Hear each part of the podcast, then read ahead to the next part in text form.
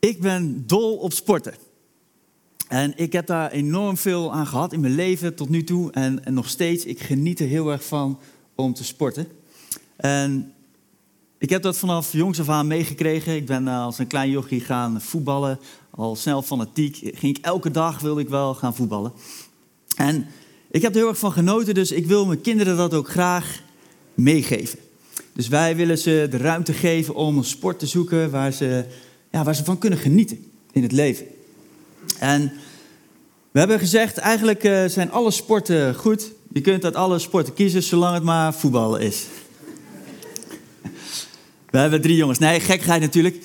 Uh, onze oudste die heeft van alles geprobeerd. Die vindt eigenlijk van alles uh, leuk en heel veelzijdig. en onze middelste, Milan, die ja, is eigenlijk sinds hij kan lopen, is hij al met een bal bezig. Die vindt het heerlijk om te voetballen. Dus we hebben ook gezegd, nou, zodra je oud genoeg bent om te gaan voetballen, dan zetten we jou op, uh, op voetbal. En tegenwoordig kan dat al vanaf vier jaar. Dus wij met de vierjarige Milan naar voetbal. En ja, dat vond ik natuurlijk best leuk. Allemaal van die kleine mannetjes. En in zijn lichting zaten wel 50 van die mannetjes. Dus het was druk op de voetbalclub. En ze vroegen een aantal ouders, zouden jullie willen helpen met trainen? Nou, dat leek me hartstikke leuk. Dus ik had me aangemeld als, als trainer. En toen kregen we een, een avond die werd georganiseerd vanuit de club. er kwam iemand vanuit de KNVB, was een psycholoog. En die kwam ons wat vertellen over hoe we nou zo goed mogelijk die training zouden kunnen doen voor deze leeftijdsgroep. Vier, vijf, zes jaar. En hij begon, hij zei, de meeste trainers die, die zien het grote plaatje van het voetbal.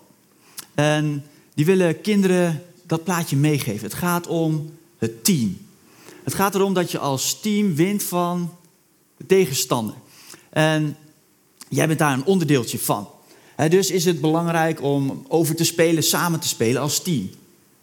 Maar zei deze man, ja, op deze leeftijd zien die mannetjes, die zien, of vrouwtjes, die zien maar één ding. Die zien gewoon maar één ding. Die zien dat grote plaatje helemaal niet. Die zien maar één ding. En dat is de bal. Juist, die zien gewoon die bal en die willen heel graag de bal hebben. En die doen daar alles voor.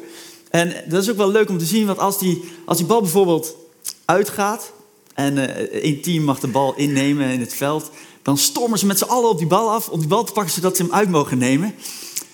En dan, dan genieten ze ook even van dat momentje. Weet je? De bal is van hun, niemand mag hem afpakken. Eerst moet de bal weer in het veld. Dus dan pakken ze hem even vast, leggen ze hem klaar. Ze hoeven niet te gooien, ze mogen gewoon dribbelen. En dan, dan staan ze gewoon even en ze genieten even van het momentje dat zij de bal hebben. En want dat zien ze, ze willen gewoon die bal. En die man van de KVB zei dus ook... En je hebt wel trainers op deze leeftijd, voetbal, die, die gaan dan roepen overspelen. Maar dat is zo ongeveer het stomste wat je kan doen voor, voor die gasten die leeftijd. Die denken, ja, ik heb de bal, ik ga dus echt niet overspelen. Tuurlijk niet. En ik had best veel aan die inzichten die, die we meekregen. En die man zei, je kunt het beste gewoon allemaal, ze allemaal een bal geven. En stimuleer het pingelen. Nou, en als je een wedstrijdje doet, gaat dat natuurlijk niet. Hè? Dus, maar als je dan een wedstrijdje doet, stimuleer het pingelen. Laat ze lekker zelf acties maken. En uh, zorg gewoon dat je dat juist aanmoedigt. Maar wat wij als, als, als trainers dan toch vanzelf doen, we gaan weer een, een wedstrijdje organiseren. Um, en, en het is wel schitterend om te zien natuurlijk, al die kleine mannen op het veld, de twee teams. En uh, dan is er altijd iemand in het begin, die neemt dan keeperhandschoenen mee.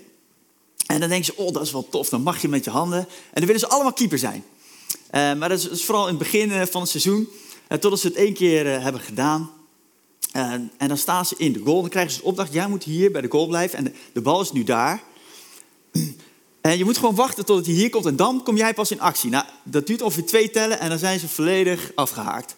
Uh, ik zie onze Milan nog staan. Die, met zo'n veer is die aan het spelen op het veld. En dan krijg je van die acties.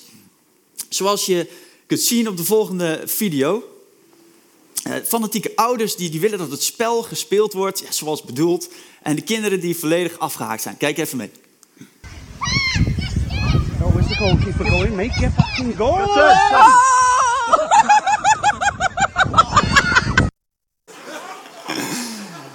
Oh, natuurlijk. Oh, heerlijk. Nog één keer?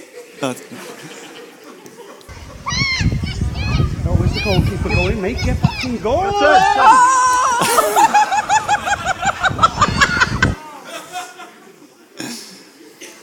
Oh, heerlijk. En vanuit de KVB zeggen ze dus ook: ga lekker spelen zonder keeper. Doe het gewoon zonder keeper. En, en die kinderen, die, die hoef je nog niet te leren dat ze onderdeel zijn van het team. Dat ze gewoon maar één rol vervullen in het team. Nee, leer ze maar gewoon met die bal omgaan. En dat grote plaatje komt wel straks als ze zeven of acht jaar oud zijn. Maar nu zien ze dat nog niet. En ik wil vanochtend met jullie graag even uitzoomen. Wel even kijken naar dat grote perspectief. En misschien zitten hier vanmorgen wel mensen die nog vooral solo door het leven gaan. Vooral gericht zijn op het hebben van de bal. Maar we zitten hier ook bij elkaar als volwassenen. En misschien is het voor jou wel tijd om eens even uit te zoomen. En is even boven te gaan hangen en het, het, het grote plaatje te gaan bekijken. Nou, dat wil ik vanmorgen samen met jullie gaan doen. In deze serie, deel 2 van Waarom leef ik hier op aarde? En we hebben één Bijbeltekst een beetje centraal staan voor deze serie. En dat is deze tekst. Dus daarin staat: Alles is uit Hem, uit God ontstaan. En alles is door Hem geschapen. En alles heeft in Hem zijn doel. dit is het perspectief wat de Bijbel schetst. God als schepper. En Hij heeft ons gemaakt met een doel. En dat doel gaan we in deze serie ontdekken. Dat gaan we onderzoeken. We gaan kijken wat is dan precies dat doel. En dan gaan we in de komende delen van deze serie gaan we dat doen. En vandaag wil ik beginnen met kijken naar hoe God kijkt naar dit leven van ons hier op aarde. Hoe God kijkt naar jouw leven.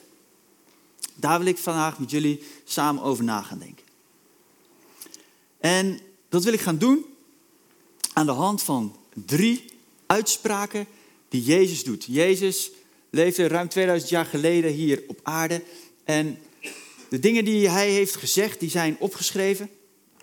En door mensen die, die een soort biografie over hem hebben gemaakt. En daar gaan we wat teksten, wat uitspraken over bekijken. En de eerste uitspraak is, eh, staat in Johannes. En voordat ik die uitspraak laat zien, uh, wil ik alvast zeggen voor de mensen die hier vanmorgen zijn, die nooit eerder de Bijbel hebben gelezen, kan het best wel schokkend overkomen. Want als je tot nu toe vooral gericht bent op jouw eigen leven hier op aarde, dan ga je nu een heel ander perspectief ontdekken. En dat is eigenlijk misschien wel heel erg mooi, of misschien vind je het schokkend en denk je, wat is dit? Maar ik zal je zeggen, dit, dit wat we vandaag gaan bespreken, dat kan je leven totaal veranderen. Ik zeg het maar vast. De eerste uitspraak van Jezus. Jezus zegt, bedenk daarom, als je je leven het allerbelangrijkste vindt, dan gaat het om je leven hier op aarde, dan zul je het voor altijd verliezen. Maar als je bereid bent om je leven op aarde op te geven, dan zul je het eeuwige leven krijgen. Hier staat nogal wat. Om maar te beginnen, God schetst, Jezus schetst hier een, een plaatje van het leven dat, dat hier ergens begint en wat in de oneindigheid doorgaat. Jezus heeft het hier over een eeuwig leven. En het begint hier op dit hele kleine stukje hier op aarde. Dat is zo even het perspectief dat we kunnen halen uit deze uitspraak van Jezus. En dan is de vraag, wat vind je nou het allerbelangrijkste? Nou, als, als je dit zo schetst, die eeuwigheid en dit hele kleine stukje hier op aarde, dan is misschien heel logisch dat je zegt, ja, het, dan gaat het natuurlijk om die eeuwigheid. maar als we helemaal ingezoomd zitten op dit kleine stukje hier op aarde, dan lijken de dingen hier op aarde soms veel belangrijker. Zijn we misschien helemaal niet bezig met dat eeuwige leven. Maar Jezus schetst heel duidelijk dit plaatje en ook in andere uitspraken die we straks gaan bekijken. En als je God niet kent, als je niet in God gelooft, als je gelooft dat dit leven wat je hier op aarde hebt, als dat alles is wat je hebt, nou, dan is het natuurlijk volledige waanzin om je leven op aarde op te geven. En dan slaat dat natuurlijk helemaal nergens op. Want als dit leven op aarde is alles wat je hebt, dan ga je daar natuurlijk het beste uithalen. Dan ga je kijken naar hoe kan ik dit leven hier op aarde zo goed mogelijk besteden. Hoe kan ik nou alles eruit halen wat erin zit? En dan is misschien ook wel goed te begrijpen dat je vooral kijkt naar hoe jij dat voor jezelf het beste kan doen. En dan, dan slaat het nergens op dat, je, dat Jezus hier zegt, je moet je leven op aarde opgeven. Maar Jezus schetst dan ook een heel ander perspectief. Dit christelijk wereldbeeld heeft een totaal andere kijk op dit leven hier op aarde. En dat is goed om dat goed te beseffen als we gaan kijken naar wat is dan Gods bedoeling voor dit leven hier op aarde. Dat we dat perspectief voor ogen houden. Je bent niet bedoeld voor maar een heel klein stukje, alleen maar hier, maar voor die eeuwigheid verder. En hier op aarde heb jij iets te winnen, maar je kan het ook verliezen. Je kunt hier, op dit kleine momentje hier op aarde, kun je ook de rest van die eeuwigheid verliezen. Maar je kunt het ook winnen en dan zegt Jezus hoe dan? Door jezelf op te geven. Door je leven op aarde op te geven kun je een eeuwig leven krijgen. Maar wat betekent dat nou? Daar zijn we samen aan het kijken. Dat doen we ook in de live groups. Dan zijn we een boek aan het lezen, getiteld Waarom leef ik hier op aarde? En daar parallel aan doen we deze prekenserie. En de eerste zin, de allereerste zin van het boek dat we aan het lezen zijn, is: Het gaat niet om jou. Natuurlijk is het jouw leven, maar het is nooit bedoeld om jou centraal te stellen. Maar om jouw leven hier op aarde op te geven. Nou, laten we daar eens verder naar kijken in de volgende uitspraak die Jezus doet. Er staat in Marcus 8. Marcus is ook iemand die zo'n biografie over Jezus heeft geschreven. En daar staat, Jezus riep alle mensen bij zich en ook zijn leerlingen. Hij ging iets belangrijks zeggen. En hij zei, als je mijn volgeling wil zijn, dan mag je niet meer aan jezelf denken. Nee, je moet juist bereid zijn om je leven op te geven en met mij mee te gaan. Hier weer hetzelfde wat Jezus zegt. Je moet bereid zijn je leven hier op aarde op te geven. En nu zegt Jezus er iets aan vooraf. Hij zegt, als je mijn volgeling dan wil zijn, als je bij mij in het team wil komen, dan mag je niet meer aan jezelf denken. Dat is zo even de regel. En in een andere vertaling staat ook wel, je moet stoppen met voor jezelf te leven. Jij staat dan niet meer centraal. Als je in Jezus' team wil komen, dan vraagt God ook van jou om dat grote perspectief te zien. Om te zien dat jij gewoon een onderdeeltje uitmaakt van dat team. Maar met een veel groter doel dan alleen maar jezelf centraal stellen.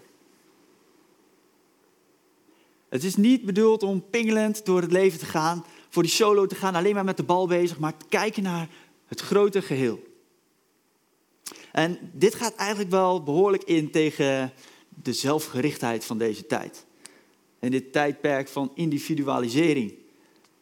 We zijn juist heel erg in deze tijd bezig met onszelf en hoe we het beste uit onszelf kunnen halen. En met onze eigen leer- en ontwikkelbehoeften. En een ding waaraan je dat bijvoorbeeld kan zien is de verkoop van zelfhulpboeken. Die is in de afgelopen jaren enorm gestegen en dat blijft stijgen ook. In 2017 was er een stijging van 3% in het aantal verkochte boeken in deze genre. En in 2018 ook. We blijven steeds meer zelfhulpboeken kopen. Maar we hebben meteen ook wel de conclusie, het lost, het lost niet direct alles op. Maar het helpt je wel om bezig te gaan met je zelfbeeld. Je, jezelf beter gaan accepteren. Om te leren om te ontspannen en minder streng voor jezelf te zijn. Te leren dat je niet hoeft te voldoen aan de maatstaven die via Instagram worden voorgeschoteld. Allemaal dingen die, die misschien best goed zijn om te leren, maar die ook allemaal gericht zijn op jezelf. Je gaat jezelf ontwikkelen.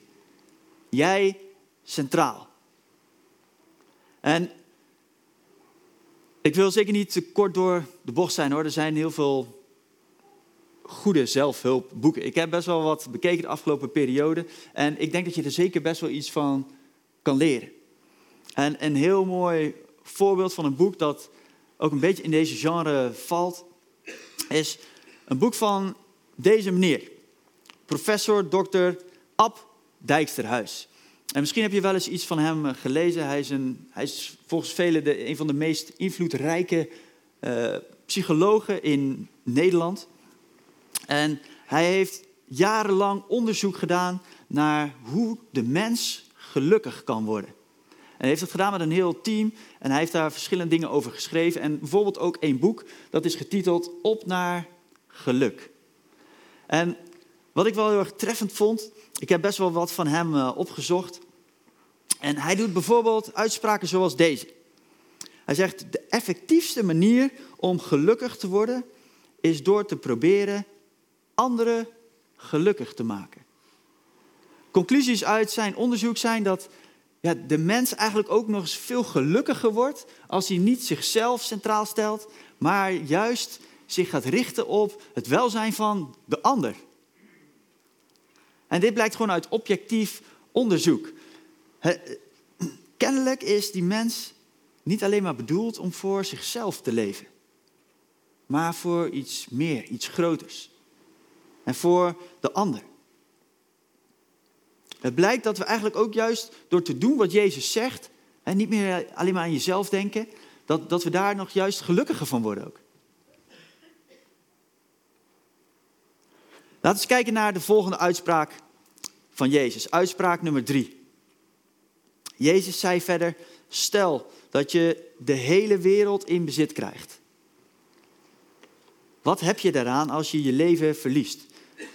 Het eeuwige leven is namelijk niet te koop.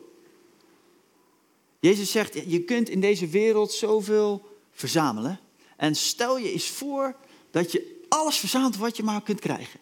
Dat je alles wat je maar in je bezit zou kunnen hebben, dat jij dat hebt. Stel je dat nou eens voor. Wat, wat heb je dan? Macht, status, je kunt alles kopen hier op aarde, wat je maar wil, maar dat is allemaal in dat hele kleine stukje. En de rest van die eeuwigheid, die kun je niet kopen.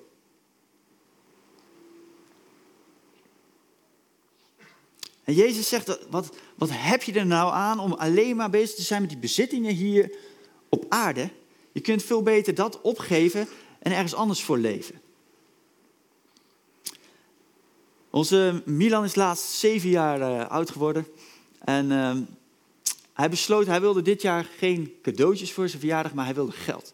Hij wilde zelf wat gaan kopen.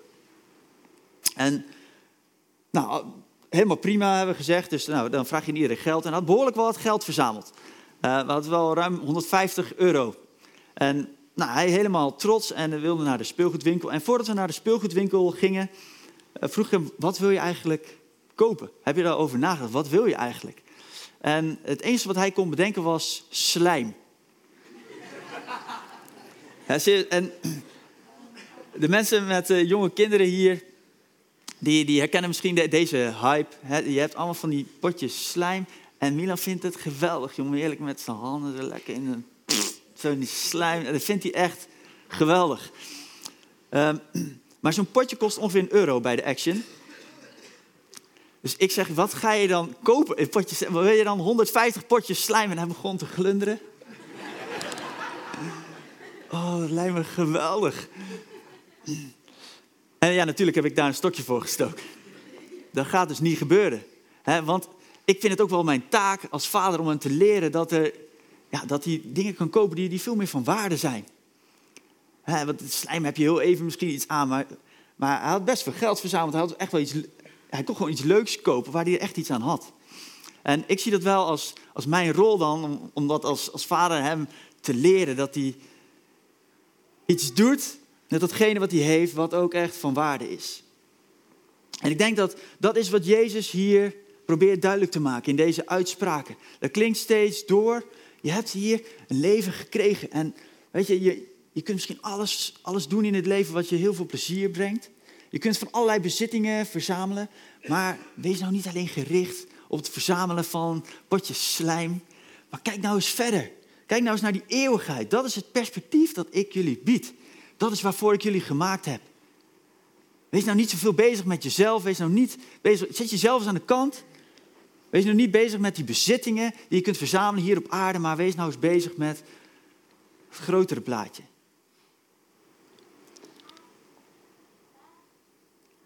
Nog een ander fascinerend onderzoek wat ik uh, tegenkwam is als het gaat om bezittingen, als het gaat om geld, is een onderzoek van de Harvard University. Het is een groot wereldwijd onderzoek dat is gedaan uh, door hele slimme mensen. En daar gingen ze in 136 uh, landen uh, kijken naar de relatie tussen het geld uitgeven en het welzijn van de mens. En meer dan 200.000 mensen deden mee aan dit onderzoek. En uit dit onderzoek werden conclusies getrokken, zoals bijvoorbeeld hier in deze nieuwskop: weggeven maakt gelukkiger dan zelf houden. En een van de conclusies rechtstreeks uit dat onderzoek, dat lees ik voor, is dat bij twee mensen met een gelijk inkomen blijkt dat de persoon die meer weggeeft aan anderen gelukkiger is dan de persoon die het vooral aan zichzelf besteedt. En wordt dan gezegd in het onderzoek, ja, dit is eigenlijk vooral een bevestiging van de dingen die we, die we al wisten. We hebben een gigantisch groot onderzoek gedaan en we hebben eigenlijk vooral bevestigd wat we, wat we al lang wisten. Maar we weten nu ook dat zelfs in derde wereldlanden geldt dat al hebben mensen echt bijna niets, leven ze echt in armoede, dat de mensen die, die van dat hele kleine beetje dat ze hebben iets delen met anderen, dat die gelukkiger zijn dan mensen die dat kleine beetje dan echt alleen maar voor zichzelf besteden. En ik vind het fascinerend dat ik er tegenkom en, en die uitspraken van Jezus kunnen best wel eens hard overkomen. Je moet gewoon dit doen. En dat er ook wel iets achter zit van een bedoeling van, maar dit is ook wat goed voor je is. Dit is ook om voor jou te zorgen. En, en eigenlijk door juist te geven van wat je hebt, word je zelf ook gelukkiger. Datgene wat we heel erg, waar we heel erg naar op zoek kunnen gaan, door al die zelfhulpboeken te lezen om gelukkig te worden. En daar, daar lijkt juist Jezus ook hier een antwoord op te geven. Jezus zegt, je hebt iets te winnen en iets te verliezen. En het leven hier op aarde is niet bedoeld om jezelf centraal te stellen. Niet alleen maar pingelend door het leven te gaan. Wat we zeker weten is dat dit leven hier op aarde gewoon eindigt met de dood. En misschien heb je geluk, word je honderd. Maar dan houdt het gewoon op. Dan is het gewoon klaar. En Jezus zegt, dit leven hier op aarde is eigenlijk bedoeld om op te geven voor die eeuwigheid. En niet alleen voor jezelf, maar ook om heel veel mensen te betrekken bij dit perspectief en bij die eeuwigheid. En ik wil nog eens concreet maken met een heel concreet voorbeeld wat het kan betekenen om jezelf op te geven. Op vrijdag 23 maart 2018 bestormde een man een supermarkt dat is inmiddels een jaar geleden. En hij nam daar verschillende mensen in gijzeling. En al buiten de supermarkt schoot hij iemand door zijn hoofd. En deze man had, zijn, uh, had trouw gezworen aan de islamitische staat. En hij gijzelde een aantal mensen en claimde de vrijlating van een terrorist die in Frankrijk gevangen zit. Abdeslam genaamd die mede verantwoordelijk is voor de aanslagen in 2015. En bij deze gijzelneming waren dus nu al twee slachtoffers gevallen, verschillende gewonden. En al snel was de politie ter plaatse bij de supermarkt. Hadden ze alles omsingeld, waren er geheime diensten, de speciale diensten van de politie waren aanwezig. En de onderhandeling zou gaan beginnen. En ze wisten dat dit eigenlijk een hele moeilijke casus was. Want deze man had al laten zien dat hij bereid was om een, leven van anderen te nemen. En ga daar maar eens mee in onderhandeling. En ze wisten op voorhand ook al dat ze nooit tegemoet zouden komen aan de wens van deze man om voor de vrijlating van die terrorist.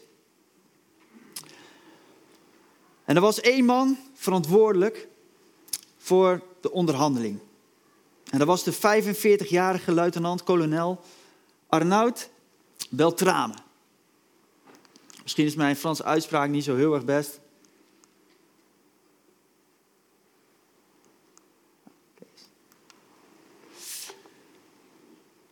Hij was een eh, zeer bekwame en ervaren politieman. Hij had ontzettend veel ervaring bij speciale eenheden van de politie en van het leger.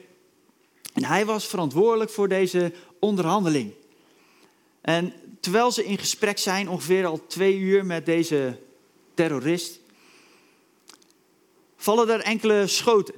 En blijkt dat een aantal mensen binnen hebben een ontsnappingspoging gedaan. En er zijn bij weer nieuwe gewonden bij gevallen. Weer een dodelijk slachtoffer.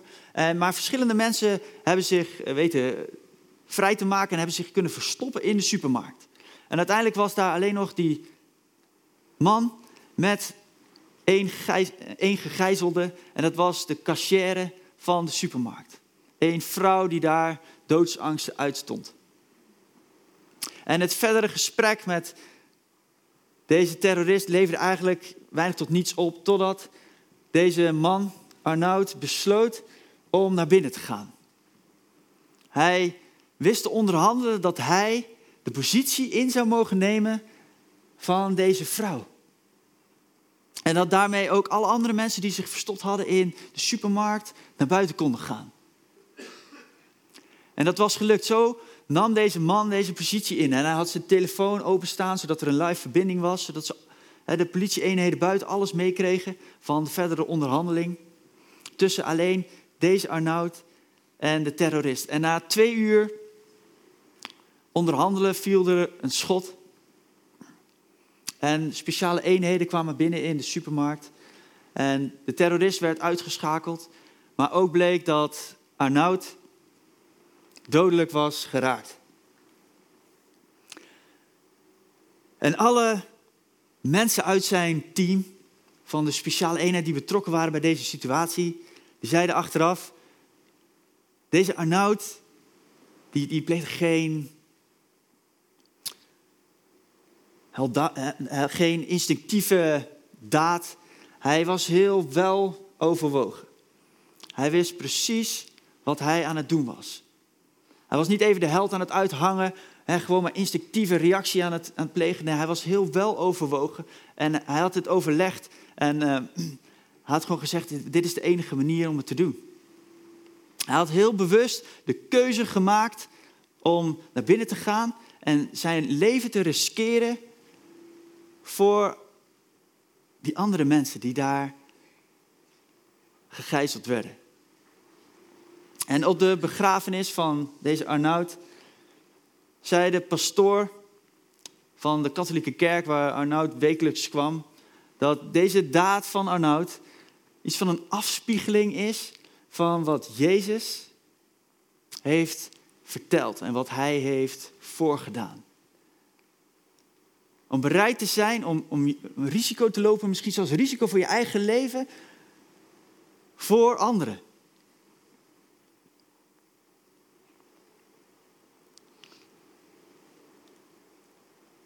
Jezus die ging nog verder dan dit. Jezus die besloot om zelfs naar de aarde te komen om zijn leven te geven, om met dat doel voor ogen. En hij wist dat hij niet als held zou worden ontvangen, maar dat hij uitgekotst zou, zou worden door mensen van zijn eigen volk. Hij wist dat hij de laagste weg zou moeten gaan om te doen waar hij voor naar de aarde kwam. En daar wil ik met jullie even wat extra bij stilstaan vandaag op deze zondag voor Pasen. Op deze Palmzondag. En iets uitgebreider dan normaal stilstaan bij wat Jezus heeft gedaan en wat het hem kostte om dit voorbeeld te geven. Om niet je eigen leven centraal te stellen, maar te leven voor anderen voor een groter perspectief, voor een groter doel. En ik wil met jullie een stukje gaan lezen uit de Bijbel, die dit lijden beschrijft, waar Jezus erheen moest, om te kunnen zorgen dat jij en ik dit eeuwige perspectief kunnen ontvangen.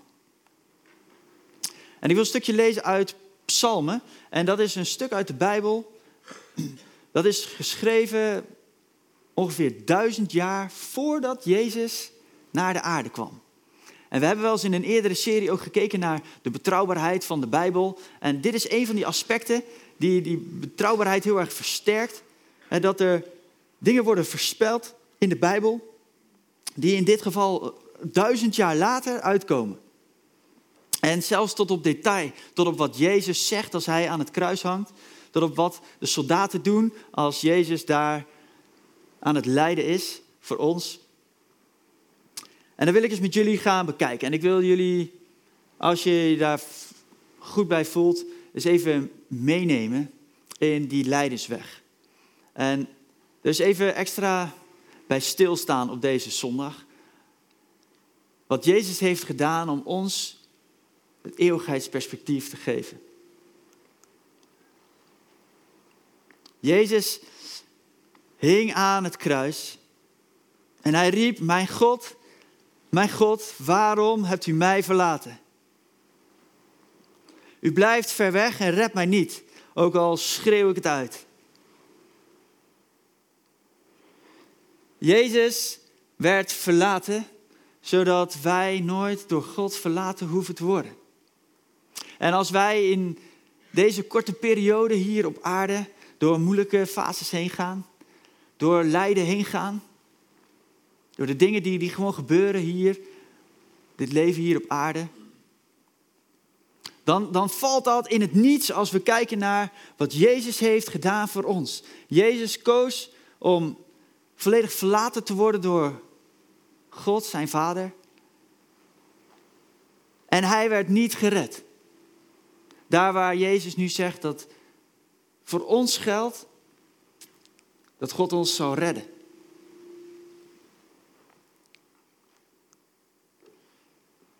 En een stukje verder staat, maar ik ben een worm en geen mens. Door iedereen versmaad, bij het volk veracht. Alle die mij zien bespotten mij en ze schudden meewarrig het hoofd.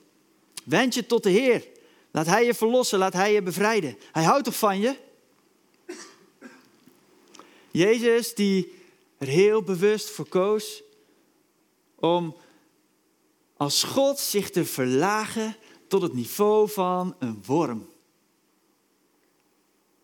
Hij koos ervoor om te zijn zo zwak en zo klein als een worm, om de weg te gaan die nodig was om ons allemaal een eeuwigheidsperspectief te geven. En als we daarover nadenken, dan is het misschien absurd dat we bezig zijn met het hele kleine stukje op aarde. Als we beseffen wat Jezus heeft gedaan, als we daar komende week over na gaan denken. Jezus die, die de keuze had, die had zichzelf kunnen verlossen toen hij aan het kruis hing. Maar hij koos ervoor dat niet te doen voor jou.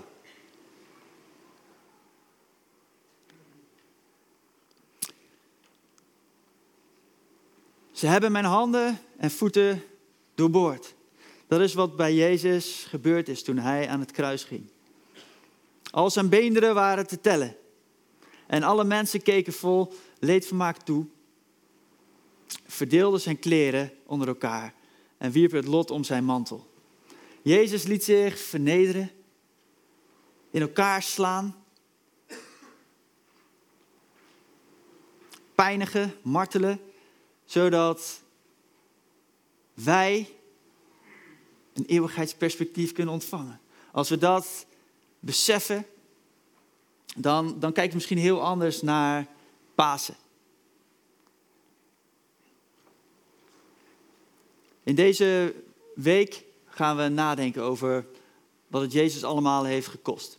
En ik wil met jullie ook een, een moment nu hebben waarop we samen daar eens verder over nadenken. En ook als we dat willen uh, meezingen met het volgende lied. Praise the name of the Lord our God. Laten we God prijzen voor wat Hij heeft gedaan voor ons. De weg die Hij wilde gaan om ons dit geweldige perspectief te geven.